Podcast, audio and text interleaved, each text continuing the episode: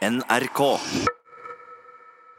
Det var mange som eh, fikk med seg premieren på den nye Star Wars-filmen eh, i går. Og det har vært dramatikk i kulissene under produksjonen av både denne og de to andre av de nyeste Star Wars-filmene. Dramatikk som kan ha ført til at det i går kom lunkne anmeldelser av den nyeste filmen The Rise of Skywalker. Reporter Christian Ingebretsen forklarer. Det har vært drama i Star Wars-kulissene. Nå skal jeg forklare hvorfor det kan ha fått betydning for den filmen publikum nå får se. Verdens mest innbringende filmserie noensinne, hvis du ser bort fra Marvel-filmene, er foreløpig ved veis ende. George Lucas lagde den første Star Wars-filmen for 40 år siden. I 2012 kjøpte Disney rettighetene for 23 milliarder kroner. Nå har den siste filmen, 'The Rise of Skywalker', hatt premiere. Men anmelderne mener at den prøver for hardt å tilfredsstille både den mest hardbarka fansen og de som bare ønsker en god og original film. Hvorfor ble det sånn? Jo, da Disney annonserte de skulle lage tre nye Star Wars-filmer for noen år tilbake, så var tanken at tre forskjellige regissører skulle lage hver sin film. I'm no one. Så først var det den ene regissøren sin tur. JJ Abrams lagde filmen The Force Awakens. Filmen ble en kjempesuksess. Fansen var superfornøyd, og den tjente inn astronomisk høye summer, for å bruke et eh, passende begrep. Men da den andre regissøren, Ryan Johnson, skulle prøve seg, gikk ikke alt helt som Disney hadde tenkt. Deler av den mest hardbarka fansen klikka og mente Johnson hadde tatt seg altfor store friheter, og at han ødela hele Star Wars-franchisen. I tillegg tjente filmen inn mye mindre penger på kino enn forventa. Så, da den tredje regissøren skulle prøve seg, Colin Trevorrow, skjedde det noe uventa. Plutselig angra Disney på valget av Trevorrow, selv om han hadde kommet langt på vei med planlegginga. Disney ville ha en annen regissør. Og hvem valgte de? Ja, hva tror du? Helt riktig.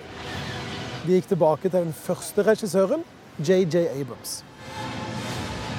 Nå mener mange at Abrams desperat prøver å tilfredsstille både den mest hardbarka fansen og samtidig lage en original film. Ifølge norske anmeldere lykkes ikke Abrams helt med dette. Reporter her, det var Christian Ingebretsen. Og dersom du har lyst til å se det du nettopp hørte, så kan du gå inn på nettsidene våre nrk.no, og der ligger det også en anmeldelse av denne nyeste Star Wars-filmen. Mm. Og vi har i studio i Trondheim eh, vår filmkritiker eh, Birger Vestmo. God morgen, eh, Birger. God morgen, god morgen. Vi skal jo nå sitte og oppsummere året, årets beste filmer, men la oss snakke litt om Star Wars først, Birger. Hvor, hvor viktig er det for Disney at denne filmen går hjem hos publikum? Det er selvfølgelig veldig viktig. Eh, som vi hørte i dette innslaget, så brukte Disney store summer for å kjøpe rettighetene til dette universet. Og de har jo da vært igjennom noen år nå med vekslende hell rent finansielt. Eh, når det gjelder Star Wars The Force Awakens, så tjente den inn to milliarder dollar på verdensbasis.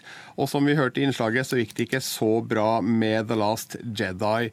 Og de har også laga to enkeltstående Star Wars-filmer, der Rogue One slo an, mens Solo skuffa. Så nå er de avhengige av at uh, The Rise of eh, Skywalker lykkes på box office, som det heter. Og nå spås det at den kommer til å tjene inn 450 millioner dollar globalt i løpet av den lange åpningshelga som står foran oss. Så det kan nok tenkes at eh, Disney kommer til å le hele veien til banken da eh, tidlig i neste uke. Ja, så det var et godt kjøp med andre ord å kjøpe dette universet? Ja, altså eh, rent finansielt så har det i hvert fall gitt penger i kassa til Disney. Rent kvalitetsmessig så har det nok vært vekslende, og jeg er jo en av de som synes at den siste filmen, 'The Rise of Skywalker', sliter litt med å få alle endene til å møtes. Eh, nå må vi huske at det her er en filmserie som er 42 år gammel. Det er en historie som har strekt seg over veldig mange år. Over flere generasjoner, egentlig. Og det skal veldig mye til å kun få laga en film som skal tilfredsstille absolutt alle forventninger som har bygd seg opp gjennom disse tiåra. Jeg vil nesten si at det er umulig. Men det er ikke umulig for deg å svare på hva som er de tre beste filmene i, så langt i 2019? Nei, jeg har laga en liste som jeg har foran meg her nå, der det er en miks av japansk film, koreansk og fransk og en god del amerikansk. Og på toppen så har jeg da på tredjeplass en dokumentarfilm som heter Apollo 11, som er en fantastisk film om eh, månelandinga. På andreplass en film jeg så på filmfestivalen i Venezia, nemlig Joker. You just ask the same questions every week. How's your job? Are you having any negative thoughts? All I have are negative thoughts. Så hva er det ved Joker, Birger? Nei, altså Det er jo et eh, bekmørkt eh, drama som eh, forteller en slags opprinnelseshistorie til Joker-figuren fra Batman-universet. Joaquin Phoenix spiller en sensasjonelt sterk hovedrolle som gir oss en forståelse for hvordan Joker-figuren egentlig ble skapt.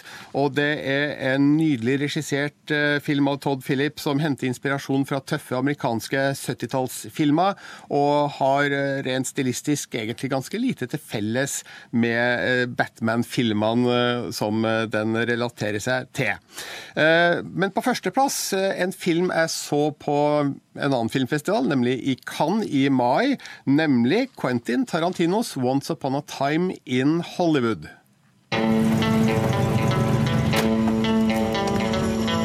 I'm Rick Dalton. It's my pleasure, Mr. Schwartz. Call me Marvin. Put it there. That your son? No, it's my stunt double, Cliff Booth. Hva er det med Tarantino for deg, Birger? Ja, altså, eh, Dette er jo en film som kulminerer hans store kjærlighet for Hollywood og byen han vokste opp i. og det er et kjærlighetsbrev til bransjen slik den så ut sånn ca. rundt 1969. Og eh, han greier jo å formidle figurer og stemninger på en helt særegen måte, som har vokst på meg. Altså, Det litt pinlige faktum her er jo at jeg ga filmen terningkast fem da jeg så den på festivalen i Cannes. og eh, jeg har sett den et par ganger etterpå, og den har virkelig vokst på meg. Så her må jeg bare innrømme at eh, tok litt feil første gangen jeg anmeldte filmen. Den er bedre enn det jeg sa, og sånn er det av og til. Og eh, det gjør jo at denne terningkast fem-filmen da troner på toppen over flere filmer har gitt terningkast seks. Så vet ikke jeg hva det sier om meg. Kan du stole på meg noen gang igjen? Det vil jo tida vise. Men... For meg, Birger, så bare virker det som du er et tenkende menneske, og akkurat det vi er på jakt etter når vi ber folk eh, å være kritikere her i Nyhetsmorgen. Så, så, så gratulerer med det, vil jeg bare si. Eh, men jeg vet at du har med en film til. Ja, fordi vi må jo snakke litt om det norske filmåret, som jo har vært eh, langt og innholdsrikt, eh, det også. Hvis vi ser på kinotoppen, så er det jo barnefilmene som er mest sett, nærmest som vanlig, med 'Kaptein Sabeltann', 'Askeladden' og 'Snekker Andersen' og 'Julenissen'. Mine favoritter fra det norske filmåret er jo eh, filmer som 'Disko' og 'Håp'. Men eh, den aller beste norske filmen jeg så i år, det er Dag Johan Haugeruds 'Barn'. Men det er ikke en barnefilm? Så du hva som skjedde? Ja. ja. Eller nei jeg... Vi snakker om en jente på 13 år som ved et uhell har forårsaket en annens død. Hva er det som skjer nå, liksom? Hva er det med barn, eh, Birger? Ja, Det er et veldig engasjerende drama med, med gnistrende dialog, høy troverdighet og en uventa hard emosjonell slagkraft. Og nå siterte jeg direkte fra min egen anmeldelse av filmen. Det handler jo om hverdagsmennesker som havner i en helt spesiell konfliktsituasjon. Og eh, det er flere interessante problemstillinger som eh, spinnes rundt i denne filmen, som jeg syns Haugerud da greier å formidle uten å ty til unødige dramatiske virkemidler. Altså det, det er flott skuespill spill. Det er en interessant historie som eh, får en veldig god forløsning, syns jeg. Så det her er mm, helt klart den beste norske filmen eh, i år. Og eh, det var ikke nok som så den på kino, så vær så snill, gi den en sjanse når den blir gjort tilgjengelig digitalt. Ok, Birger Vestmo. Vår filmkritiker. Takk for at du var med oss her i Nyhetsmorgen. Det er jo tiden for eh, oppsummeringer nå. I går så snakket vi om årets og også tiårets beste bøker. Nå skal vi høre om hvilke bøker som har solgt best i år. Og Petter Stordalen han kan rett og slett sprette champagnen. Kulturreporter Petter Pettersen. Ja, for fem av årets 15 eh, mest solgte bøker er fra Petter Stordalens eh, forholdsvis nye forlagshus, Strawberry Publishing, skriver Klassekampen i dag. Avisen har fått tilsendt en oversikt fra Bokhandlerforeningen som viser salg av årets bøker frem til eh, forrige uke. Og blant de 15 mest bestselgende, både i skjønnlitteratur og sakprosa, så er Stordalens forlag representert med fem bøker. Men det at Stordalens relativt nyetablerte forlag da gjør det såpass bra, hvordan påvirker det de mer etablerte forlagene? Altså Cappelen Dam er neste på listen. De har fire bøker inne, inne på den listen. Og, og Aschehoug de er de som troner på toppen med, eh, med Jo Nesbøs 'Kniv'. Mens eh, et av Norges største forlag, Gyldendal, de står igjen helt uten titler på topp 15 eh, i denne oversikten. Mm. Petter Stordalen tjener også gode penger her. Vi skal høre om en annen som også gjør det bra, nemlig en åtteåring som drar inn mange millioner på YouTube. Welcome to Ryan's World! Hi guys, I feel so lucky because they can pick any wish they want, but they chose to hang out with me. Ja, Åtte år gamle Ryan Kaji, som vi hørte her, tjente altså 234 millioner kroner eh, eh, på sin YouTube-kanal i 2019. Noe som gjør han til den best betalte på videoplattformen, ifølge finansnettet Forbes.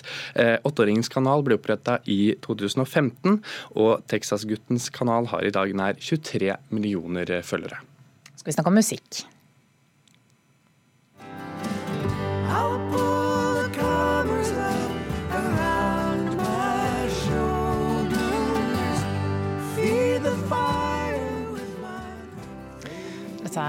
Altså Jonas Fjell sammen med den amerikanske artisten Judy Collins med låten 'Winter Stories'. Så dette albumet av disse to det topper nå Billboard, faktisk, Petter Pettersen. Ja, albumet med samme navn som låta av Jonas Fjell og Judy Collins, den ligger nå som nummer én på Billboard-listen over eh, album i sjangeren bluegrass. Eh, og det er altså den andre uken albumet ligger på denne topplisten, og beveger seg fra andre til førsteplass. Okay, takk skal du ha, Petter Pettersen, kulturreporter.